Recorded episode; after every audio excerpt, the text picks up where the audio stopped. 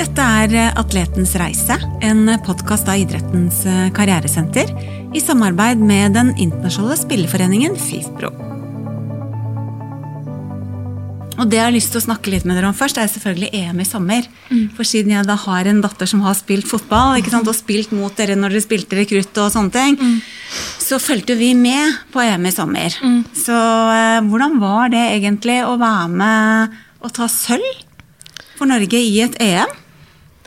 Altså, det var jo, eller er jo helt klart det sykeste vi har vært med på innenfor fotballen og egentlig generelt også, så langt. Ja.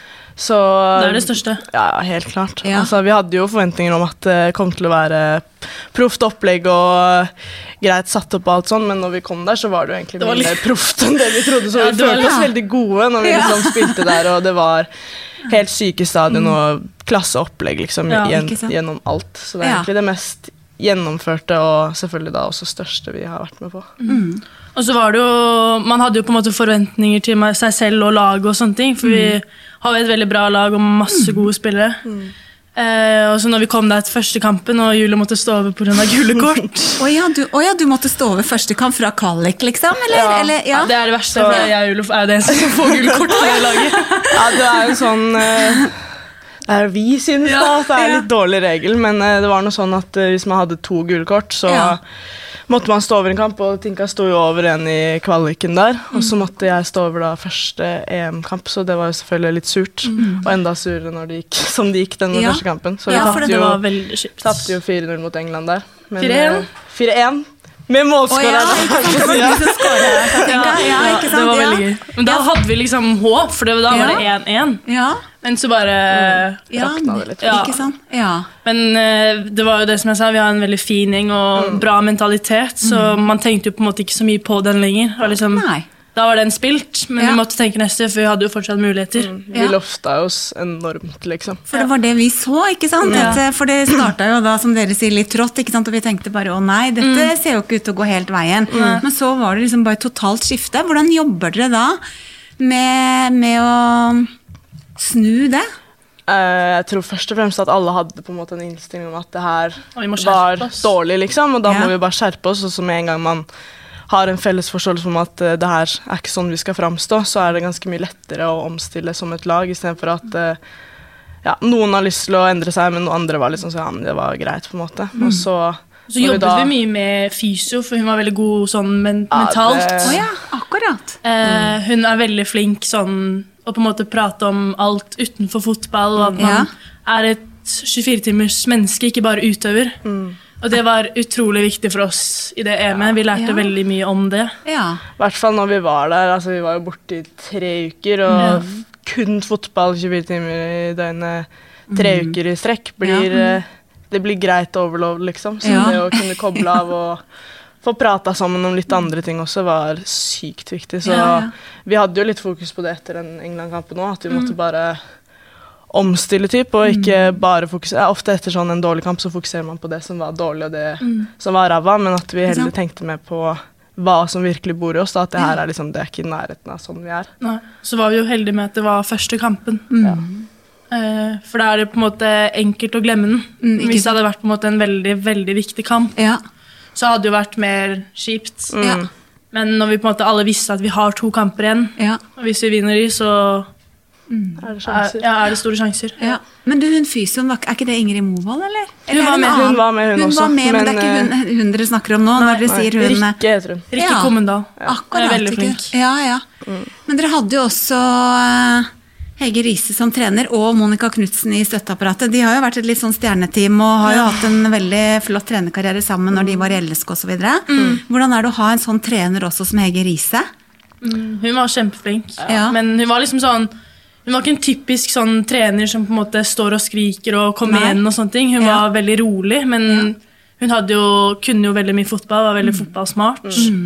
Og har vært på det nivået veldig lenge. Så mm når vi fikk hun Det var vel et par samlinger før. Mm. Så ble vi jo altså veldig glad. Mm. Og visste at hun, vi kan komme langt med hun. Ikke sant? Så det gir oss en sånn trygghet og en inn i gruppa, på en måte, at man veit at man har en, eh, en topp trener. Ja. Mm. Og så var jo Hege og Monica var to helt forskjellige personer. Man hadde jo liksom De utspilte hverandre veldig godt. Ja, ja Hege det, som var rolig, ja. og Monica som var veldig energifull. Ja. Og det var viktig for oss å få litt også den punchen, på en måte. At vi må jobbe. Ja, nettopp. Og så har vi jo en keepertrener som uh, også er glad i å skrike og hoie litt også på siden. Så liksom å få den balansegangen har vært ja. veldig viktig for oss. fordi i hvert fall vi to før har vært liksom gira på å ha trenere som bare roper og skriker og er mye mm. lyd fra. Så ja. man får liksom energi litt utenom også. Men ja. uh, med en gang vi fikk Hege, så syns jeg egentlig det var veldig Bra. digg. Fordi vi hadde andre ja. som også ga energi. Ikke sant? Mm. Og når hun var rolig, så var det liksom litt deilig. Ja. Altså, hun er veldig flink. Altså, vi merka etter den 4-1-tapet, ja. så var det liksom Det var ikke noe stress, på en måte. Sånn, man mm. merka jo at det var ikke sånn det skulle være, men hun gjør det så ordentlig, liksom, og mm. liksom tar, tar, tak i akkurat de tingene som trengs å bli tatt tak i. sånn at mm. ja, Det var bare Hele EM egentlig Du fikk oss liksom til å ha en god følelse etter kampen, selv om det høres veldig rart ut å si, for vi tapte 4-1. Men det var bare sånn Altså, Vi har masse kvaliteter i gruppen, og vi må mm. prøve å tenke på det. Mm. Eh, og det hjalp oss veldig, og så var den kampen glemt egentlig på en dag. Ja, ikke sant? Mm. Det er jo noe av nøkkelen, er det ikke det? Å klare å legge det bak seg. Selvfølgelig lære å, å, å med nullstille, ikke sant, mm. å gå på. I uh, hvert fall i ja. mesterskap. da. Ja, Man må nettopp. tenke neste. Ikke ja. sant, For der har du ikke tid til å gjøre de store endringene mellom, uh, mellom kampene. Ja.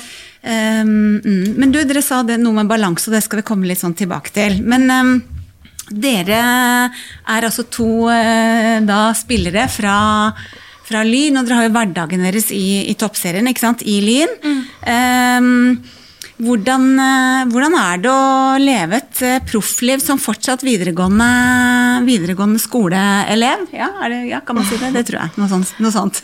altså, det er jo helt Det er ikke noe å legge skjul på at det er hektiske hverdager, mm. selvfølgelig. Og innimellom så hadde det vært digg å forestille seg en hverdag akkurat nå uten skole, da, for, for så vidt helst.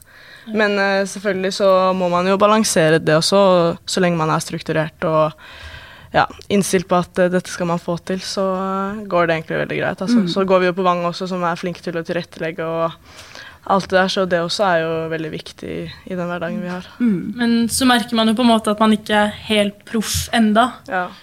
man tjener jo penger og har en god kontrakt og sånne ting, men mm. man merker jo på en måte at man må på skolen først, og så kommer treningen på kveldstid etterpå. Mm. Og det kan bli veldig slitsomt. og det er derfor jeg føler liksom, På herrefotballen og sånn, så er liksom alle kommer klokken ni og spiser frokost, og så trener de. Og da får de liksom ut alt sitt beste, da, føler jeg, mens vi kommer slitne fra skolen, og så skal vi ha video. Mm. Vi klarer jo å pressere, det er ikke det. Mm. Men man blir jo sliten, merker man, i en lang periode når man også har landslag i tillegg. Mm. Vi har liksom lyst til å legge opp livene våre egentlig, og hverdagene kun etter fotball, mm. men nå blir det så mange andre faktorer også som man må ta hensyn til for at uh, en skal fungere. Ja. egentlig.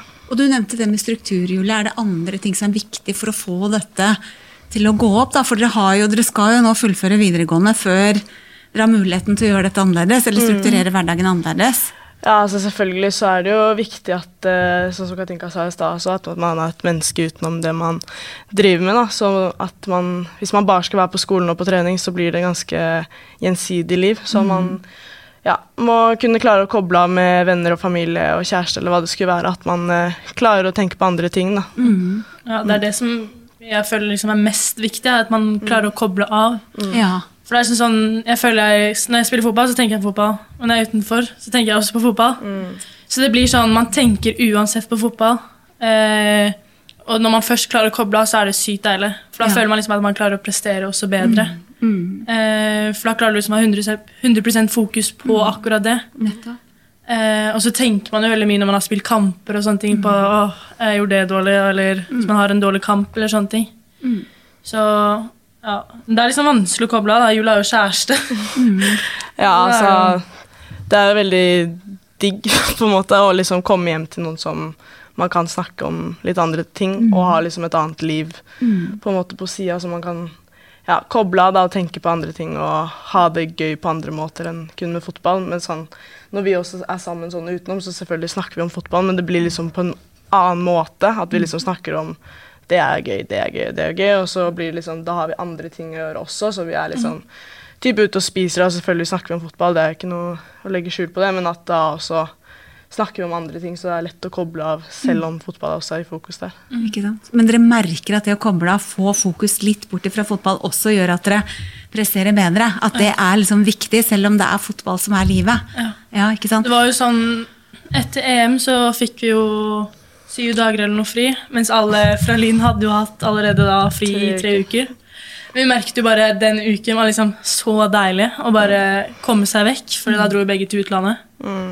Eh, og fikk slappet av litt, og det var jo sykt deilig. Og det ga masse mer energi. Når man kommer tilbake, så har man lyst til å bare gi enda mer. Mm. Man fikk jo motivasjon fra det EM også, så Det blir jo sånn nå også, så er vi ferdig med sesong, og da har vi jo hele desember måned fri også, og det er sånn Første to ukene er digg å ha fri, og så blir man liksom sånn Hva skal man gjøre nå?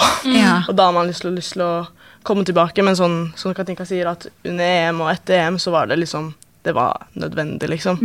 Og etter den uka også så er man jo på en måte fortsatt sliten, fordi de tre ukene var veldig heavy mentalt, Mm, og selvfølgelig i beina også, så det var liksom En halv uke til hadde ikke hatt så mye å si, på en måte. Så. Nei, ikke sant? Mm. Men eh, det å få kobla er liksom selvfølgelig viktig på det nivået vi er på for å prestere. Men, det, men i Lyn så virker det som det er et, litt sånn, et godt miljø for unge, dedikerte jenter. Da. For, det, for jentene ligger jo håper å si, Dere er jo øverste nivå, det er jo ikke gutta, tror jeg, i fotball. eh, ikke sant? Rykka opp. De har rykka opp, altså. Ja, ikke sant? bra. Rykka opp til Postnorsk. Ja, ikke sant, til tredje nivå, er det det? Ja. Så det er ikke så lenge igjen Nei, til det er ikke nei, men ikke sant, uansett, dere er jo. Eh, ja, dere er på Sorry, nå er det jeg som driver og avbryter her. Det er ikke bra. Det er som driver og kommenterer. Det er fint. Men eh, er det sånn at dere har et veldig godt miljø i, i Lyn i forhold til det å utvikle seg, og at det er liksom unge jenter som er sultne da, på å bli gode og ta, ta neste steg? da?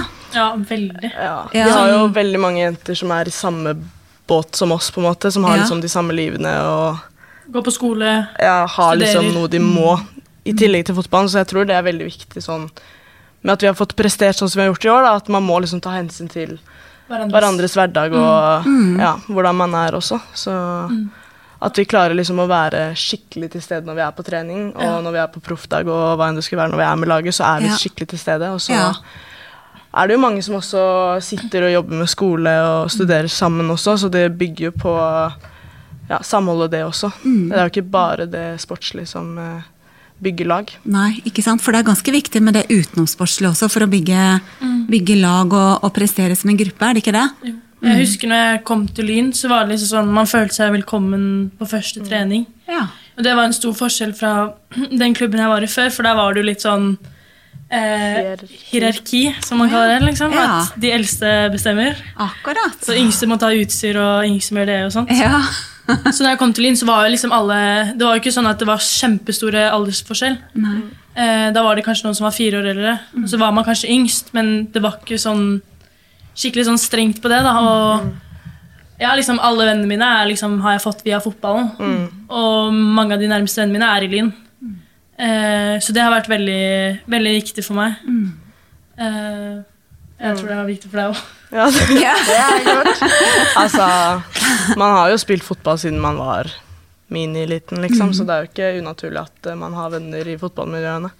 Så, men det tilbake med laget også er jo at i uh, hvert fall når det blir så sånn sett kort alderssp alderssprik mellom uh, spillerne, så blir man på en måte automatisk mer en samla gjeng, fordi man føler at uh, man har kanskje mye mer til felles. Da. Sånn, Selv om vi hadde Kirvil som eh, nå har dratt da, til Italia, så hadde jo hun liksom barn og jobb og familie, men så selv om til tross for det, liksom, så følte vi liksom at vi var like gamle som hun var venner en imellom, liksom. Ja, ja. Så det var liksom Det var ikke noe å si på alder, og det er veldig viktig, da. Fordi som Katinka sier, hvis det blir et alderssprik, så blir det jo også eh, naturligvis liksom delt opp også i Liksom laget. hvem man i henger med. Ja, og Ja, det er ikke liksom ikke optimalt dersom man skal prestere som en sammenheng. Nettopp. Så det er liksom noe av nøkkelen i forhold til at Lyn klarer å holde seg. Og i år så kjempa dere også om å komme topp fire i topp fire sluttspillet, gjorde dere ikke det? Det var ganske Jo. sånn close race. eh, Ja, seg vel akkurat ikke. Ja, Men altså, jeg tror det var helt greit for oss. egentlig. Ja, Det er jo ja. selvfølgelig veldig gøy å komme topp fire og Ja, ja. kunne kjempe om en Champions League-plass, men man ser jo hvilke lag som gjør det bra. Ja. Eh, Det blir så sykt stor Nå også, når man ser på øvre tabellen der, at det er så sykt stor forskjell på de tre, og så Ja. det fjerde laget som eh, Om man kan si henge litt etter. Ja, ja, ja. Så- mens nå kan jo vi Nå kan jo vi styre kamper og vi kan ha mye ball og utvikle oss sånn sett. Ja. Og det er gøy. for det første morsommere å spille kamper man har ball og kan styre Ja. litt selv, Ja. kontra det å bare løpe etter. Ikke Det sant? Bare ligge lavt og forsvare seg. Ja, det er det som Ja, det blir, hvis hver helg skulle være sånn Ja. ah, nå møter vi Brann. Ja. Ah, da må vi ligge lavt. Ja. Det blir liksom, Hva utvikler man seg på da? Men vi tok steg da på det også når vi møtte Brann og Rosenborg. så var Vi, vant jo mot Rosenborg Ja, for det var det jeg mener. Jeg husker at dere Ja. Ja, og så Vi vant mot hjemme òg. Ja, hjemme Ja, vi vant på Rosenborg! Vi vant Rosenborg! Nei, men det var sånn Man merker liksom, Vi fikk én sjanse, og så skåret vi på den. Og så var det liksom å på en måte holde nullen. Eh, men eh, man merket jo mot slutten så yppet vi godt med de eh, bedre lagene. Og det var jo veldig gøy. Mm. Men eh, det er litt gøyere å vinne en egen liga, hvis Ja. man skal si det sånn. ja, ikke sant. Når det først måtte bli sånn med to ligaer. Ja. Ja. Men nå blir vel det kanskje gjort om igjen? Gjør det det ikke det? Det ligger litt i. Ja, de har snakka Ja. om at det skal bli typ Ja. samme seriesystem, og at ja. man tar med poengene, men Akkurat. det blir jo samme greia, egentlig. Ja, ja nettopp. For, for Katinka, du spiller, begge spiller, dere begge to spiller midtbane, ikke sant?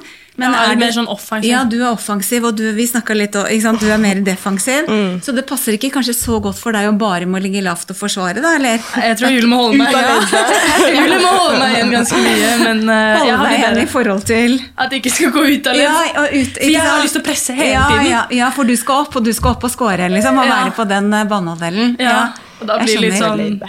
Ja, Det er derfor jeg hater det, men Julie hater det òg. Det er så Å ligge lavt. Ingen Ja. liker å ligge lavt. Nei, ikke sant? Skjønner. Mm. Så, men det er jo viktig å ha sånne spillere som Katinka da, som gambler litt innimellom. Og når Ja. det går bra, så går det bra, og når det går ikke så bra, så er det kanskje ikke mm. optimalt. Da må vi ned igjen. For, for det har jeg sett litt på, jeg har jo jobbet mye med, med fotballspillere i forhold til karriereplanlegging og sånn, for det livet som kommer, og, og det er veldig mange flere forsvarsspillere. Spesielt hvis vi ser blant eh, gutta, så er det nesten alle vi jobber med, spiller liksom enten i forsvarsrekka eller keeper. Altså Det er noen midtbanespillere også, men det er veldig få liksom, spisser. Og da lurer jeg litt sånn på, er det noe forskjell på personligheten? Det- Ser dere noe forskjell på personligheten til de som liksom er litt mer oppe på toppen og skal skåre mål, kontra de som liksom jobber eh, med å forsvare eh, andre enn av banen? altså, i Det finnes bakre- noen personer. Ja, I det bakre leddet vårt, da, der er det ordentlig. ass. Ja, der er det, der er det mye slett. politisk korrekt, liksom. Og så kommer vi litt høyere opp i banen med Katinka og Kristin Holmen og litt sånn Ja. lekende spillertyper. Ja, så, Så- det, det er mer politisk korrekt sånn i bakre rekke, eller bakover? Ja, og så er det liksom også så sånn de, det de har ofte de rutinerte på en måte er bak. De som liksom har spilt liksom lenge. Og så fins det jo noen unge, sånn som Ja. vi har jo Maria Fink. Eh, men det er liksom sånn, de prater veldig godt og gir oss mye gode tilbakemeldinger. Det er de safe spillerne som spiller bak. Det er de Ja. safe, ikke sant? Og så de på toppen da. Hva er det som kjennetegner Katinka, for eksempel, som spiller? Hvor skal man begynne? Ja. altså, hun er jo, som du sa selv også, veldig fremoverrettet og mye trøkk når Mhm. man først går, så det er ikke gøy å være i duell med Katinka. Nei. Så, og så er det jo selvfølgelig at man er offensivt rettet og god teknisk og ja, trøkk i alt man gjør, egentlig. Ja, trøkk i alt, ikke sant? Tusen Ja. hva, skal vi si om Julia? Hva skal vi si om Julia? Hva skal man si? Hun er liksom bak, så er hun en liten sånn terrier. Liksom. Ja. Det er sånn, sånn hele tiden Kom igjen, Katinka! Kom igjen, Katinka! Kom igjen, Katinka! Og så er hun liksom ja, veldig god pasningsfot. Slår meg mye i bakrom. Gir meg mye pasninger. Ja. Eh, ja, det er lynlinken. Mm, Lynlinkene, er det Ja. mellom dere? Ja, vi har funnet ikke på det. Vi har funnet på det. Ja. ja, men det, Det er fint. det holder. Ja. Det er bra. Så er hun Ja. også samme, litt samme som meg. Da går all in når man først går en duell. Eh, vinner mye ball defensivt, så det er veldig viktig for oss for å kunne sette opp angrep. Ja. Stoppe mye kontringer og sånt. Så Mm. ja, det er veldig viktig for å ha oss å ha hjulet bak, da. Ikke som sant? på en måte en dyp midtbane som ligger foran forsvaret. Blushing. Men som personlige egenskaper, da, sånn i tillegg til det fotballmessige, hva, hvis vi fortsetter med Julie først, da, hva er liksom hennes styrker sånn utafor banen, da, hvis vi kan si det sånn? Eller, ja? Hun er litt sjef, liksom. Litt sjef, ja. Men uh, altså, hun tør å si hva hun mener. Og jeg mener, altså Folk kan mene liksom hva de vil, men jeg syns det er bare positivt. At man tør å si hva man mener, og mm. står opp for seg selv. Uh, hun har sterke meninger, og, men hun er også veldig snill. Veldig god venn. Uh, ja, Veldig hyggelig. Mm. Og så lurte jeg litt på, for når du, du, var en del av kapteinsteamet, eller er da, kanskje mm. Julie, en del av kapteinsteamet på landslaget. Mm. Eh, når jeg skulle ha dialog med dere nå, så var jo du veldig veldig rask på å svare når vi skulle bare ta en liten peptalk i forkant. Mens, eh, og du svarte jo absolutt, du, Katinka, men du kom litt mer sånn etter. Er det der liksom leder vi noe sånn ansvarsfølelse? Er en del av ledergruppa går liksom foran og tar ansvar? Er det noe der, eller var det helt tilfeldig? Akkurat det vil jeg tro var litt tilfeldig. Jeg er veldig ja. pratende. Ja. Så mm. altså sånn på samling typ, da, hvor jeg er i det kapteinsteamet, så i hvert fall sånn som det var i EM og med det mm. forrige Jenter 19-laget. Det nye Jenter 19-laget er jo litt nytt fortsatt.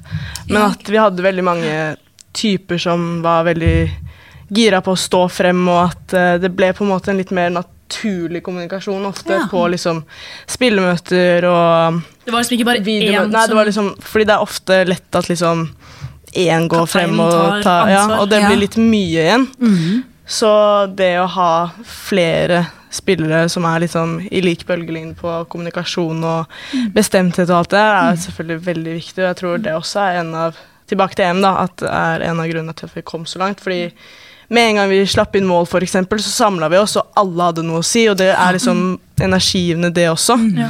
At alle har lyst faktisk ja, til å gjøre noe ja. med det. Og at uh, man Selvfølgelig kan man ha lyst til å være stille, men det blir så forsterket når mm. man bare tør å ta ordet, på en måte. Mm. mm. Og hva er de gode egenskapene til Katinka på utsiden av banen? Altså, først og fremst er hun jo, hva skal man si, lagets klovn. Ja, morsom. Ja. Jeg, jeg, er veldig morsom.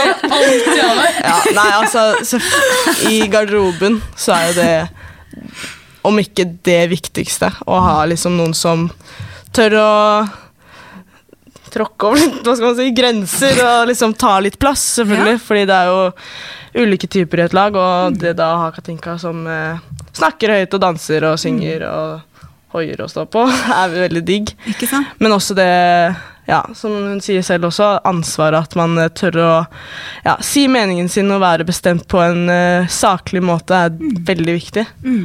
Ja, så Ja, du er også en veldig god venn, som du sa. Så vi har jo vært venner kjempelenge, og vi har jo lært hverandre å kjenne, liksom, så det er veldig digg å vite hvor man har hverandre. Mm. Også på mm. et lag, da, så har man jo selvfølgelig venner som man står nærmere også, mm. som uh, det er digg å gå til eh, hvis man har tapt eller spilt dårlig, mm. eller så bare få en liten oppkvikker hos uh, Ja, eller få ut alt man har å si. Ja. Man er jo ofte etter kamper selv, kan man være dritsur mm. og være sånn fy faen. Mm. Og da er det liksom deilig å gå til Julie, for hun, jeg føler liksom hun og jeg er på samme bølgelinje. så hun tenker også det samme som jeg tenker. Mm. Det er sånn, ja, enig. Ja. Og i hvert fall når vi ser det samme også, for vi tenker veldig sånn sett likt, så kan man liksom skal Katinka sin ene delen, og så kan jeg utfylle den andre delen, og så er vi liksom enige. Det er jo ganske unikt, da. Å ha en sånn uh, Ja, og det er jo digg på sånn venn. Mm. Det er jo digg når vi er på samlinger også, så er liksom Vi er ofte på rommet også, og da er det jo det som vi snakket om i stad, også det å kunne ta det litt med ro, at vi kan liksom sitte og ha det stille og drive med sitt. Man føler at det er kleint. Ja, fordi det, mm. det kan det fort bli hvis man er med noen man ikke kjenner så godt. Ja. At man liksom ja, kan prate ut om eh, andre ting og det man eh, kan utenom, og så kan man også ta det litt rolig sammen. Mm. Og samtidig så kan jo Katinka by deg litt på, da, når hun ja. ja når jeg, hvis jeg har spilt dritt, ja. og så skal du lage et show ja. eller noe sånt. Det hjelper på. Du er ofte med på det gøye som jeg gjør. Ja. Dere får det alltid med. Blir liksom den flaue på siden som skal være med. en som drar i gang, og en som er, er liksom, Å, jeg vil også! Men du, tilbake til det EM-et. Eh, hvor lenge er det siden Norge sist tok medalje i et EM i Jenter 19? Det var vel en 96 Elleve år eller noe. Elleve år? Jeg tror det med ja. Ada og ja, med Ada og Karoline. Oh, ja. Den gjengen, liksom. Og Guro Reiten. Og ja. ja. Ada Hegerberg og, og, ja, ikke sant, og Karoline. Så vi ser jo og, hva det har blitt av de. Sånn. Ikke sant? Hva tenker dere om det? At dere er de første som etter de, den, de stjernene? Ja, det, er, det er veldig motiverende. Ja. så er det jo sykt kult, for da ser man på en måte at man kan nå hele veien. Eh, man må jo selvfølgelig jobbe på, men man ser hvor det startet, og at de også var talenter når de var unge. Men man må jo jobbe. Man kan ikke bare være et talent. selvfølgelig ikke. Det gir deg mulighet, hvis du jobber hardt, ikke sant, til å kunne nå uh, få til spennende ting. Og, og Karoline er jo linjente, er det ikke det? Sånn, Jo, jo. uh, Ja. Mm, mm. Det er kult. Er, Det hjelper er, enda mer, det òg. du, hva er drømmen deres som fotballspiller? Altså hva Dere har vel noen drømmer, vil jeg anta? Altså sånn Ja. Ja. Altså, først og fremst det er jo det å spille på landslag og være etablert i en elver der, selvfølgelig, og liksom prege kamper og vinne mesterskap og VM og EM. de store tingene, liksom. Og så Få Norge litt opp på den siden, da. Ja. Det var litt kjipt å se på EM i år at vi trodde jo de kanskje kom Kunne lenger. Eller altså, Vi bare satt jo og så på mm, da de røk ut. Ja. Det var litt kjipt, fordi vårt EM begynte jo lenge før. mm. De eh, røk ut nesten samtidig som vi var ferdige. Ja, ja, ikke sant? Ja. Ja. Mm. Så det å løfte Norge som fotballnasjon hadde jo vært dritfett å gjort det da sammen. mm. Kult. Og så er det jo selvfølgelig å komme til en av Europas, eller kanskje verdens største klubblag. Å Spille, i hvert fall drømmen min er Champions League. Ja. Ja. Det er utrolig kult. Man har alltid sett på det som når man var liten, men det er mest på herresiden. da. Så har jo Champions League på kvinnesiden kommet opp. Det har jo virkelig tatt seg opp. Jeg mener, Ja. Det var kjempegøy å se den finalen i år. Og da hadde vi også norske jenter på begge, Ja. begge sider. Det var jo gøy. Ja, veldig. Mm. Så nei, det er utrolig Mm. Bare etablere seg egentlig i de Ja, i både internasjonalt og så på Så- klubblag også. I Så de ser det jo klubbene. gøy ut å vinne gullballen. Den er ikke, den er Ja. ikke dum. Nei, det er ikke det er jo faktisk en som skal vinne hvert år, er det ikke det? Jo. Så det er jo det er mulig. Ja. Mm. Skal ta annethvert. Ja. Ja, Sånn neste Ronaldo-typ. Vi skal følge med, vi. altså. Jeg skal heie og sende en personlig melding. jeg, ja. det, Kan vi sende det klippet her? ja, nemlig. ikke sant? Men du, er det sånn at er det liksom Frankrike, England, Spania eller Italia, eller er det, er det liksom bare til én av disse store klubbene, eller er det noen av disse ligaene som dere på en måte syns ser mer spennende ut enn eh, noen av de andre? Det er jo litt Altså, vanskelig, da, for det er så mange klubber som kommer opp. Ja. Mm. Og så er det veldig sp forskjellige spillere. Sånn, Spania er veldig teknisk typ. England er litt mer sånn power og trøkk. Men Tyskland er det også mye Ja. løping. Ikke sant? Tyskland for min del så har det vært eh, Man har fulgt med på Premier League og Manchester United, som Ja, er er favorittlaget vårt. Liksom. Så man er jo gira på de største klubbene som man har hørt om, da, og man har eh, sett på opp igjennom. Mm. Og så har man jo sett mye av Barcelona og sånne ting, og det ser jo utrolig kult ut som fotballen de spiller. Mm. De har jo Ja. vunnet sykt mye. Ja. Uh, ja, men altså England er jo kanskje store drømmen.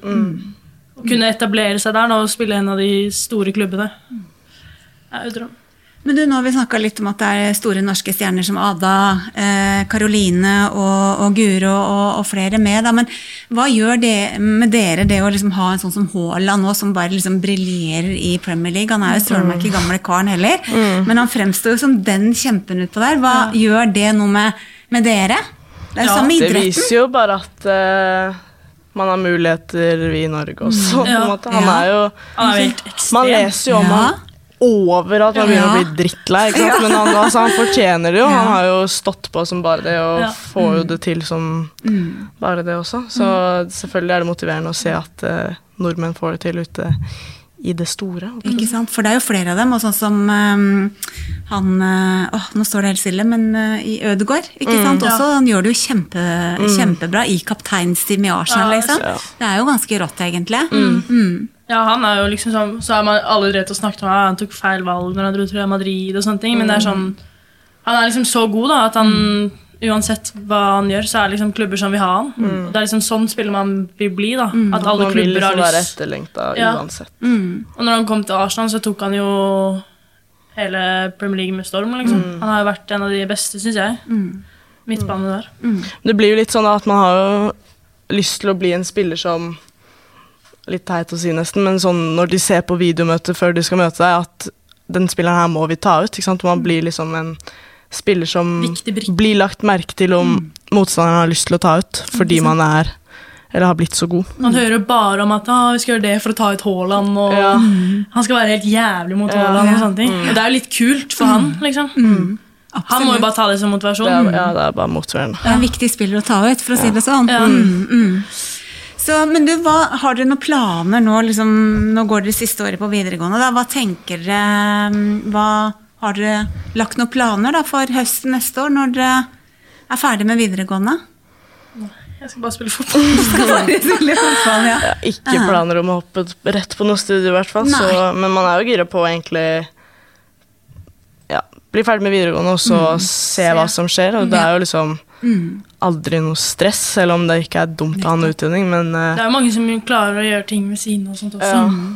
Og det er sånn uansett, så ja, man blir ferdig med en karriere en eller annen gang, men gjennom fotballen så danner man seg et enormt nettverk uansett. Mm.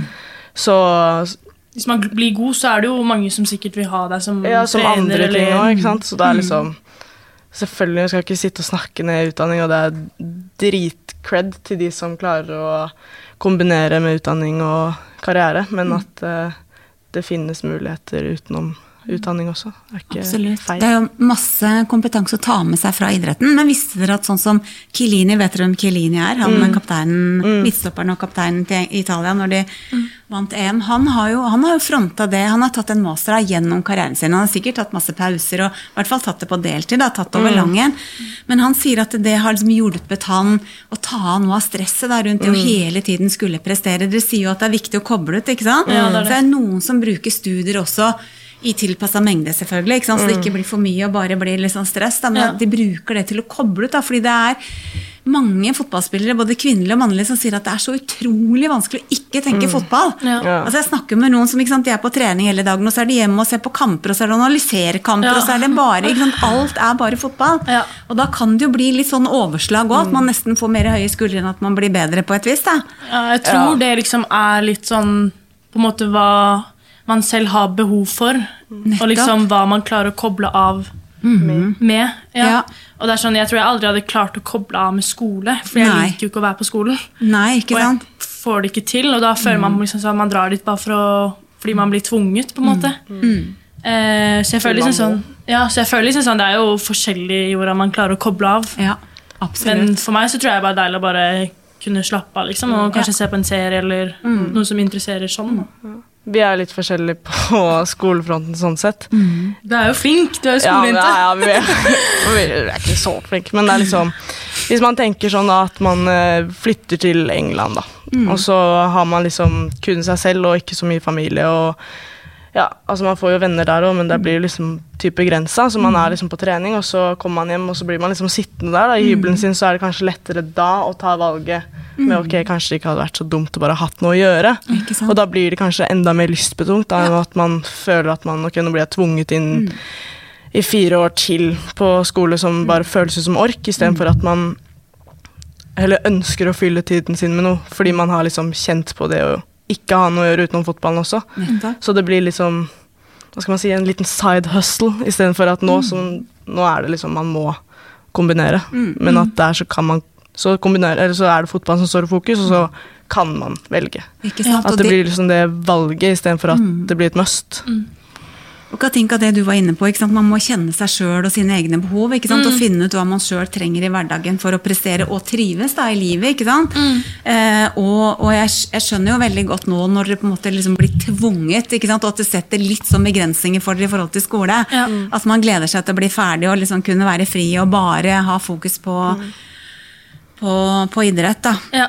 Det blir jo om, lettere ja. å prestere òg, da, hvis man mm. skal se på skolemessig. at uh, Sånn som Katinka, da, for eksempel, er liksom Når det blir bare et strev og et mas, så er det ikke lett å motivere seg ned og sette seg ned etter en tung trening og jobbe med norsk, liksom. Det er jo ikke noe gøy. Vært på skole hele dagen, og så kommer du hjem fra trening klokken ja. halv seks, ja. og så skal du gjøre skole, ja. eller så har du mm. innlevering til helgen, mm. og, så, og når vi er på samlinger, så er det sånn vi må ta igjen alt. Og så blir det sånn, ja, dere kan ha innlevering, og så blir det sånn, ok, men jeg aner ikke hva det handler om mm. engang. Nei, nettopp. Så det at det heller blir en motivasjon, ja. mm. enn at det blir ja. et strev og et ork. Mm. mm. Det blir sånn at man liksom gjør alt litt sånn halvveis. Mm.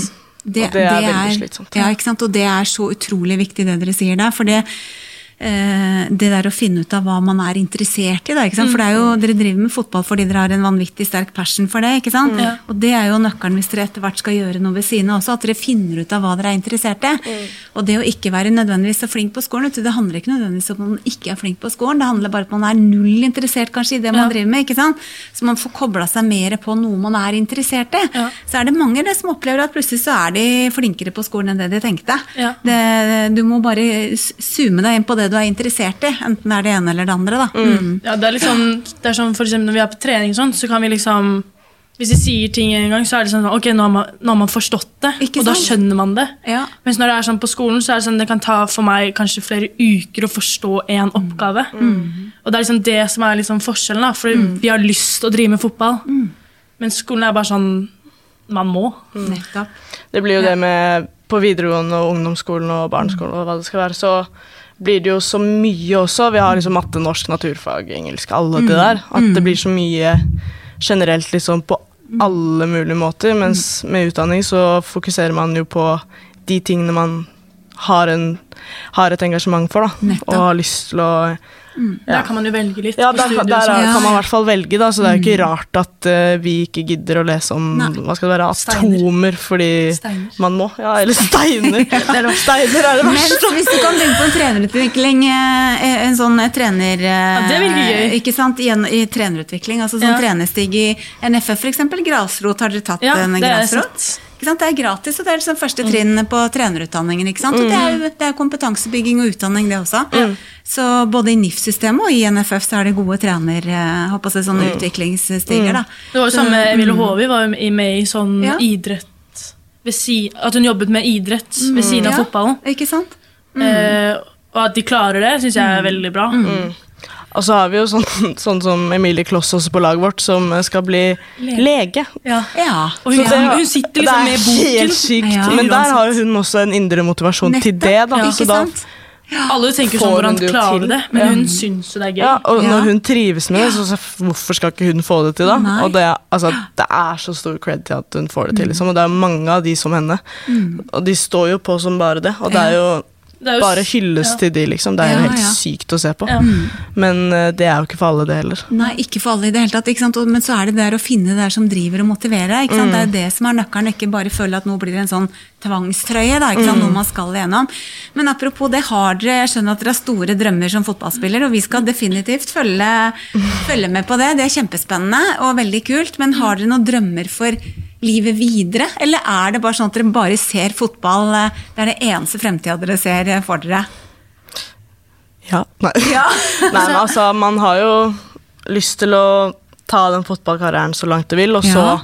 har man jo såpass troa på seg selv at når man er ferdig med fotballen, så har man bygd seg en status generelt da, på at man eh, Og nok penger. Ja, å få til Ja. noe utenom det, liksom.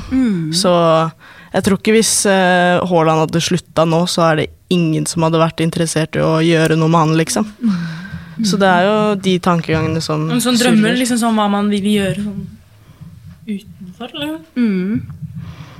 Det har jeg ikke tenkt på. Nei, Så ikke sant? fami en fin familie og sånn, det er Ja, jo ja, veldig viktig. Ja, ikke sant? Familie er jo utrolig viktig for meg, og deg også. Det er liksom de man er med hele tiden. Ja. Og at man skal klare å liksom bygge en fin familie selv også, er jo veldig koselig. ja.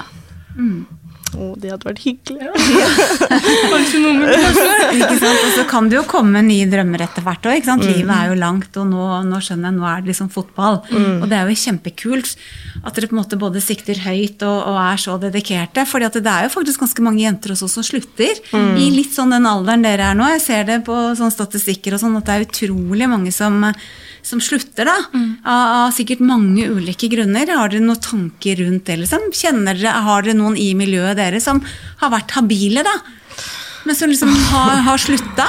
Ja, altså i hvert fall nå så er det jo det med russetid og Ja. alt det der, så man Ja. kommer jo liksom jeg vet ikke, Fra man begynner på videregående, og kanskje litt på slutten av ungdomsskolen også, så blir man jo liksom utsatt for litt andre miljøer enn kun fotballaget man bor ved, liksom. Ja. Også, så det blir andre impulser og faktorer som ja, man ønsker kanskje litt mer enn eh, å fortsette med fotballen.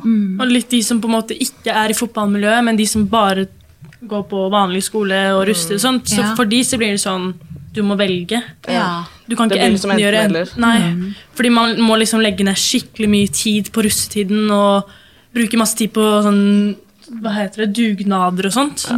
Og det, man har jo ikke tid til det uansett, vi har jo serie midt i russetiden uansett. Eh, I fjor så kom vi jo hjem på 17. mai, så stakkars Ja. de 03-erne som har rust det året. Så, så det er liksom noen som på en måte rett og slett velger russetida fremfor å fortsette å spille fotball?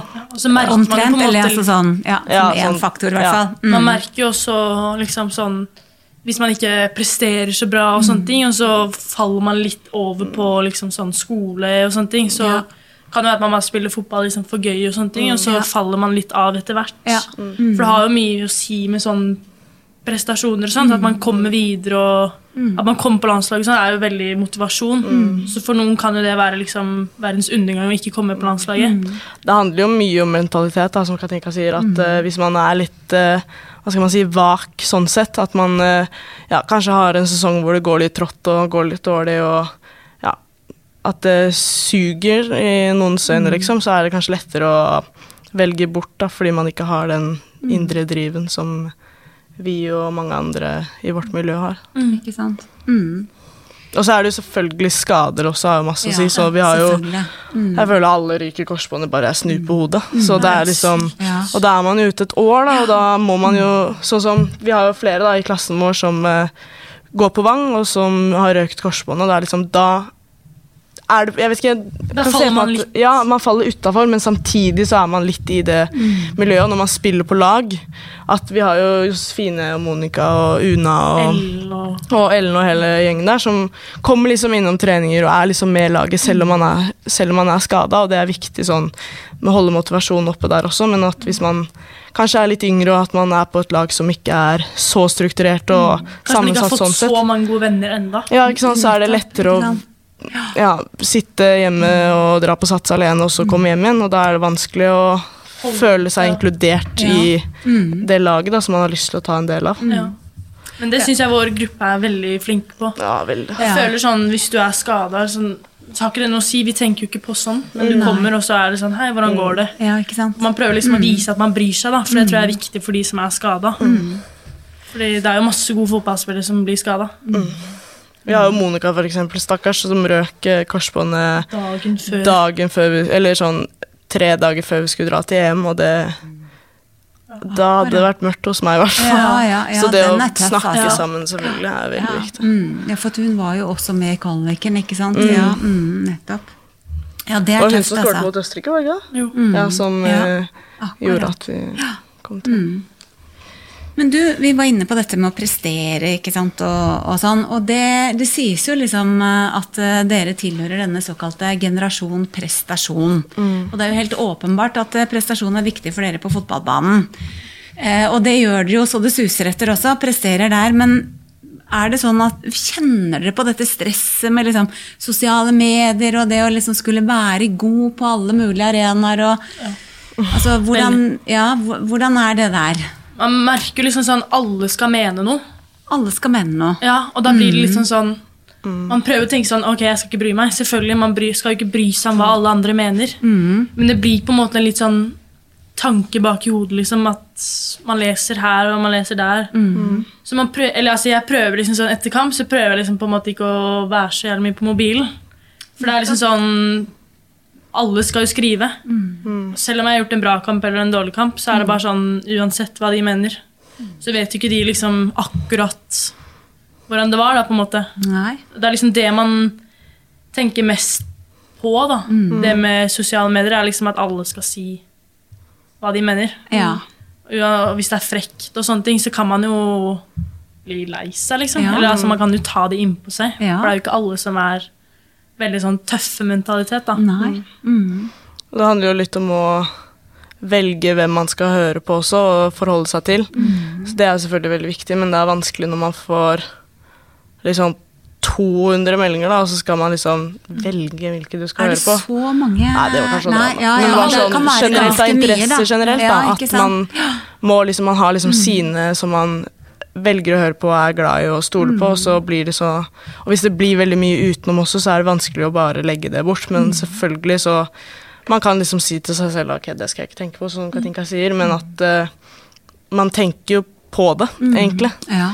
Men uh, jeg har i hvert fall ikke vært uh, Jeg vet ikke med Katinka, men at har liksom ikke vært utsatt for noe sånn skikkelig sånn voldsomt sånn på sosiale medier og sånn, og det er vi jo heldige med. For det er ja. mange som har blitt hengt ut sånn sett, da. Ja, etter ja.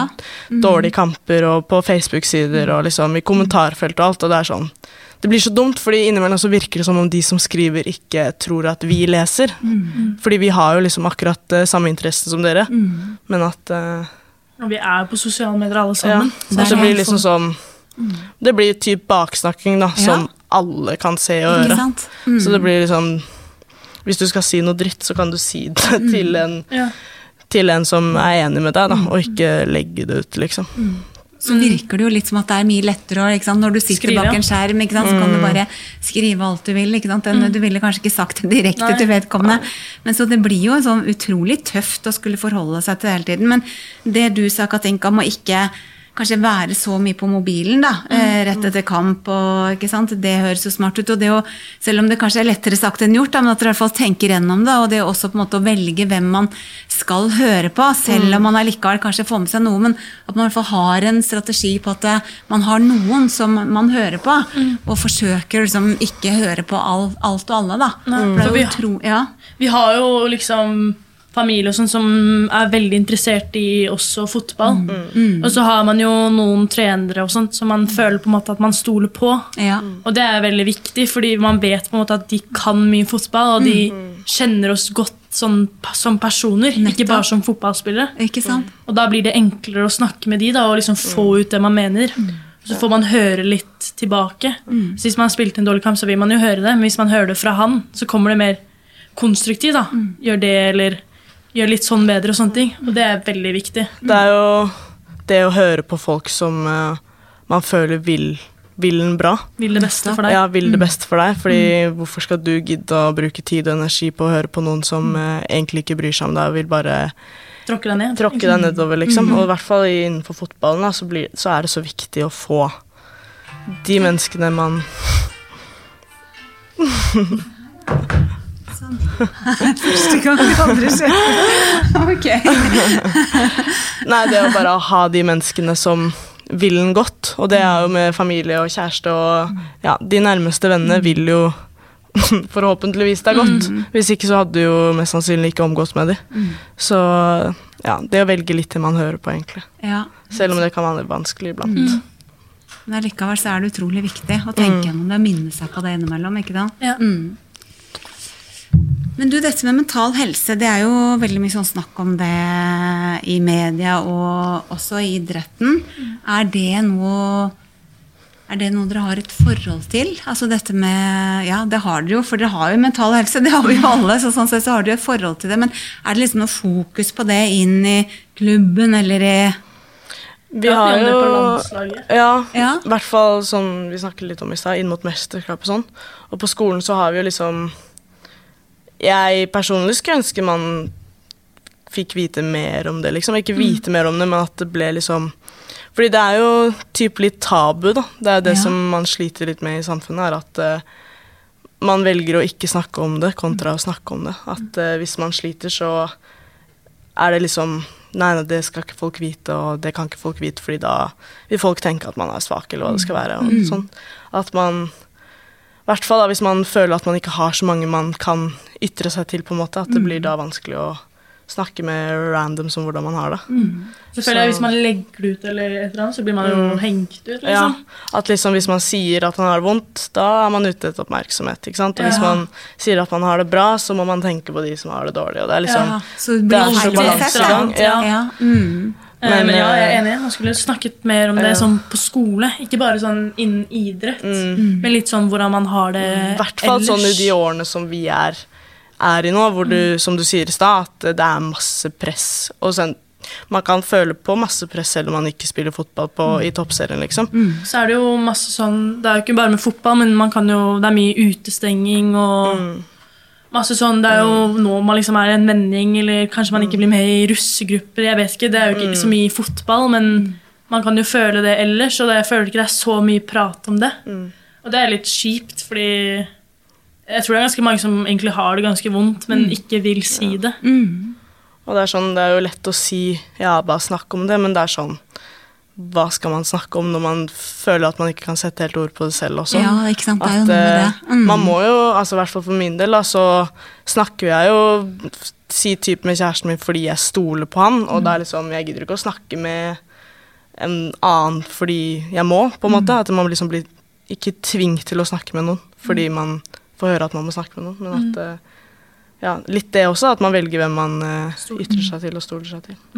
For man må på en måte ha en god altså, Men det å ha gode relasjoner, da. Mm. Det, er, det, eh, er dere enige at det det, det høres ut som dere ja, er en nøkkel ikke sant, mm. å ha gode relasjoner. For man snak, begynner jo ikke bare å snakke med hvem som helst. Nei, ikke sant? Mm. Det er jo noe med at du skal liksom føle deg trygg, og mm. at, eh, at, det er, at, det er, noen du stoler på. Mm. Mm. Men er det, i, er det sånn i, i Lyn også, i laget deres, at dere liksom snakker om Hvis noen har det vanskelig, det, opplever dere at det er liksom takhøyde for å snakke om det? Vi er i hvert fall veldig tydelige på at det skal være det. Ja. Og så er det jo selvfølgelig variert med Hvem som tør ja. å si fra. Og så er det jo selvfølgelig da altså, Man trenger ikke å lage et lagmøte bare fordi jeg er lei meg, typ. Men at man eh, ja, at man, man tar det kanskje jo, litt mer innad, da. Man hadde jo mm. personer som på en måte var litt sånn Personer man kunne komme til da, hvis ja. man hadde litt kjipt og sånne ting. Som mm. Kirvil, som var kaptein for oss. Som var på en måte en, ja, ja, ja. Som var på en mm. måte en litt sånn mor for oss eh, yngre.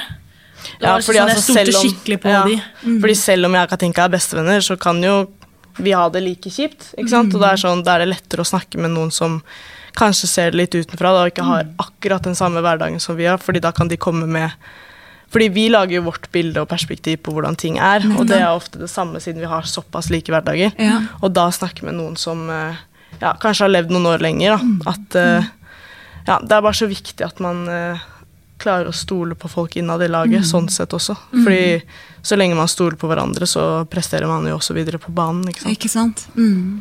Og da er det lettere å snakke med folk òg, eller noen. Mm. Men som du sier, det er jo liksom, Man tar ikke et lagmøte selv om man er lei seg. Det er jo greit mm. bare, at man kan gå til noen mm. på et mm. vis. da. Mm. Men det er jo det med at uh, hvis man har en dårlig dag, så skal det ikke mange minuttene på trening for at man ser det, liksom. Fordi man gjør jo feil på banen, og da blir kanskje de feilene enda mer forsterka etter at du har hatt en drittdag eller en hva det skal være, drittuke. Så, ja. Men jeg syns egentlig vi i Lyn er veldig flinke, og egentlig generelt på landslag og sånn også, ja. at uh, man gjenkjenner liksom da hvordan folk har det, og da, liksom, da, tar man hensyn til det. Så hvis Katinka ja. spiller en dårlig pasning og har en ræva dag, så skjeller jeg ikke ut Katinka fordi hun gjør en feil. Nei, Men at man, man har liksom lært hverandre å kjenne da, ja, måte, hva hverandres behov er og sånne ting. da. Mm. For man kan jo våkne en dag og bare føle seg helt jævlig. Mm. Da hjelper det ikke hvis man kommer på trening og sier alle hvor dårlig du er. Nei, ikke sant. Mm. Eh, eller hvor dårlig mm. den pasningen er. Man vet jo godt selv hvis man gjør en feil. Men opplever dere også at fotballen, selv om det er liksom trøkk på å prestere og, og, dere har høye mål og sånn, opplever dere også at fotballen er på en måte noe positivt i forhold til den mentale helsa deres? Ja, altså Hvis jeg ikke hadde hatt fotballen, så tror jeg jeg hadde hatt et ganske drittliv. Eller ja. sånn Ja, jeg føler jeg bare hadde si dratt det, hjem og sovet. Ja, at man liksom ikke hadde gjort noe. Men ja. sånn nå, Litt det òg, da. Hvis man har en dårlig dag, så skal man på trening, og da må man oppføre seg. Man kan ikke være drittunge, liksom, og Nei. bare tro at folk skal uh, forholde seg til det, selv om man gjør det til en viss grad. Mm. Men at man er avhengig av å forholde seg til folk, da. At man liksom har også det å noe å se fram til. Sånn ja, jeg har hatt det dårlig på skolen, men mm. ok, en time til, så kan jeg gjøre det jeg elsker og trives med. At det er liksom en oppmuntrer, noe man ser frem til, istedenfor at uh, ja, at det blir et slit. Mm. Så er det jo sånn, Man møter jo masse forskjellige personer fra masse forskjellige miljøer. Mm. Så man blir på en måte å kjenne hverandre annerledes også, da. Mm. Eh, så får man jo kanskje closere bånd med noen som kanskje ikke er fra samme miljø som deg, og sånne ting, og da lærer man på en måte å kjenne på en måte andre også. Da. Mm. Og da lærer man også mye av hvordan man skal oppføre seg tilbake. Mm. Eh, og så samme sånn Man får jo nye trenere, og man vet jo aldri hvordan de kan være. eller sånne ting, Og da må man jo alltid på en måte endre seg litt. da. Mm. Uten at du skal slutte å være deg selv, men at du på en måte må mm. oppføre deg annerledes. Da. Og da må man jo tenke litt over sånne ting som Julie sier. da. Mm. Hvordan man prater og ja. Kan ikke komme som en Fordi folk tar jo ting forskjellig. Ikke sant? Selv om jeg og Katinka kan snakke på, til hverandre som kanskje utenom høres ut som en stygg måte, men vi ønsker jo bare godt med hverandre, liksom. Men hvis eh, jeg skjeller ut noen som ikke tar det sånn som Katinka, så tenker jo ikke hun at det var med kjærlighet, på en måte. Nei, at jeg vil løfte henne opp. Så det der å tilpasse seg, det er en, komp en kompetanse som dere Det har vi er lært nødt- masse av på Ja. vei. Ja, I fotballmiljøet, i hvert fall. Ja. Og Man spiller jo på masse forskjellige lag, og Ja. i hvert fall når vi var yngre, så spilte jo begge på guttelag og på jentelag, og da var det jo helt forskjellig. På guttene kunne man jo stå og rope alle banneord og sånne ting, men med en gang jeg var på jentene, så var jeg sånn Nei, ikke si det. Ja. Ikke sant? Så både det å tilpasse seg og det å kommunisere, Ja. det er jo i hvert fall ferdigheter dere har med dere eh, videre. Eh, og, mm. så, så det høres ut som fotball er livet, Ja. for å si det sånn.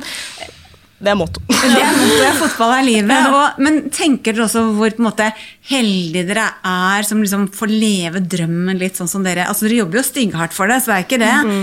men, men tenker dere også noen ganger over hvor heldige dere er som får lov å leve det livet som er liksom drømmen deres? Ja. Det blir jo lett innimellom liksom flyte med, på en måte. Og Ja, liksom ikke ta Men det er jo innimellom man sånn Etter EM, i hvert fall, så kjente jeg veldig på sånn der Så tilbake på minner og bilder og det der. Så ja, tok man så gøy. ja, så tok man seg litt i det, da. At det er sånn Fy faen, det der var dritfett, liksom. Ja. Det var helt sykt. Man vil liksom sånn, gjøre det sånn- igjen. Ja, det er sånn da vi var der, så var det selvfølgelig det var kjempe, kjempegøy, og vi koste oss masse, men samtidig så blir det sånn der, nå har vi vært der i to og en halv uke, nå vi egentlig hjem og slappe av, på en måte. Men at man eh, klarer liksom å leve i nuet, men samtidig se at eh, ja, man har eh, fått til noe, i hvert fall. Og det er motiverende, det òg, å liksom se det litt utenfra. Så er det liksom sånn, Man er jo med på så mye. Man får reise så mange steder. og Jeg tror liksom ingen av oss har vært liksom, Tsjekkia i Flydde til Krakow, og så tok vi buss gjennom der. og sånn, Så det var liksom sånn Man, Man opplever, opplever mye. Ja, Opplever. Eh, Og så gjør man masse ting, sånn annerledes ting. Man, vi dro jo på badeland og prøvde liksom å komme litt av. da. Og Det er jo veldig gøy at man får oppleve masse forskjellig. egentlig. Altså, Vi har jo sagt det til hverandre også. Vi er jo, I hvert fall i året her så har det vært masse reising og samlinger, og det er sånn Man tenker liksom litt sånn åh, ja, det blir ork, liksom. Vi, er, vi føler nesten ikke at vi er hjemme før vi må dra og så kan igjen. Jeg gidder jo ikke å ta en bagen min lenger, den står bare fremme, for jeg føler jeg bruker den hele tiden. Mm. Så kommer man liksom tilbake, og så er det folk som man kjenner, da, sånn ah, så heldige dere har vært, og Ja. Så er vi jo liksom liksom sånn, man ja, vi har jo sånn egentlig «Å, det. ja, Vi har liksom vært i Portugal i ti dager, og så og så kommer vi hjem og er sånn Åh, jeg er sliten. Og så er det sånn der, altså Du var, Du var i Portugal, hvorfor uh, klager du, liksom? Så det handler jo det om å sette pris på det man Hva skal man si oppnår. Nettopp. Og opplever, ikke sant? Ja, det er minner for livet. livet. Og det er ganske mange utøvere som sånn i retrospekt, når de er ferdig, sier liksom, tips til dagens utøvere. Sånn, sett litt mer sett pris på det. Og så er det jo litt vanskelig, for dere skal jo hele tiden ta nye steg, og dere har jo ikke sant, høye mål, og sånn, så det må jo leveres og, og jobbes på for å nå det. ikke sant? Men det er jo sånn som det virker som dere gjør òg, at dere innimellom liksom stopper opp litt og klipper dere litt i ermen og, og tenker litt igjennom og kjenner på hva dere faktisk er med og opplever. Det var jo litt sånn, I EM så var det liksom sånn Når vi kom ut på banen, så var det bare sånn Prøv å liksom nyte. Det sånn, Liksom, de spiller bare fotball, ikke stress så mye.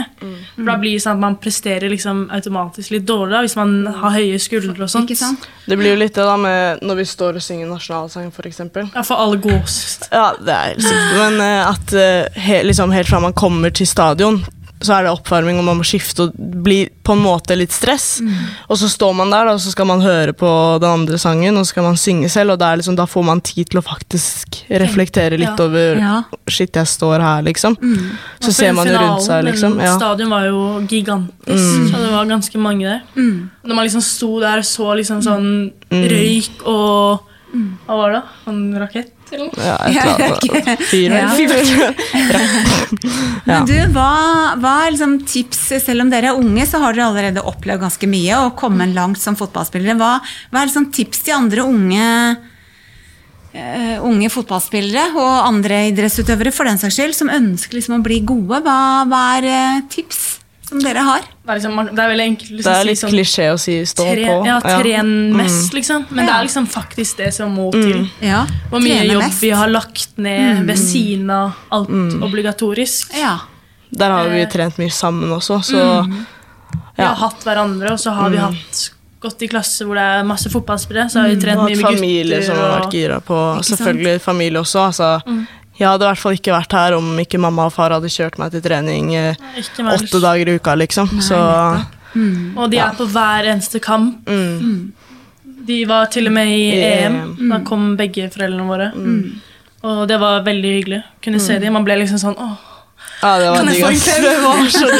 Det var veldig hyggelig. Ja. Så det å trene mest, og det å være i et miljø med andre som på en måte deler også litt ambisjonene dine, ikke sant? Og, og, og interessen, da, ikke minst. Ja. Mm. Og det det å sette seg mål og sånn også, at Ja. eh, man, eh, ja, man trener, men at uh, innad i økta da, at man setter seg litt kortsiktig mål sånn sett, men Ja. også det at man har et stort mål, for eksempel, som man jobber mot uh, i helhet. Nettopp, men dere har også mål for økta. Ting dere skal få til underveis på hver eneste trening. Ja, man tenker gjennom det. Og så er det jo Så er det liksom sånn på en måte, og ja, Det er litt sånn klisjé å si at man liksom aldri må gi opp, men liksom, det fins så mange spillere som aldri har vært innom kretslag eller landslag. på yngre nivå og sånne ting, som fortsatt kanskje er noen av de beste spillerne i verden.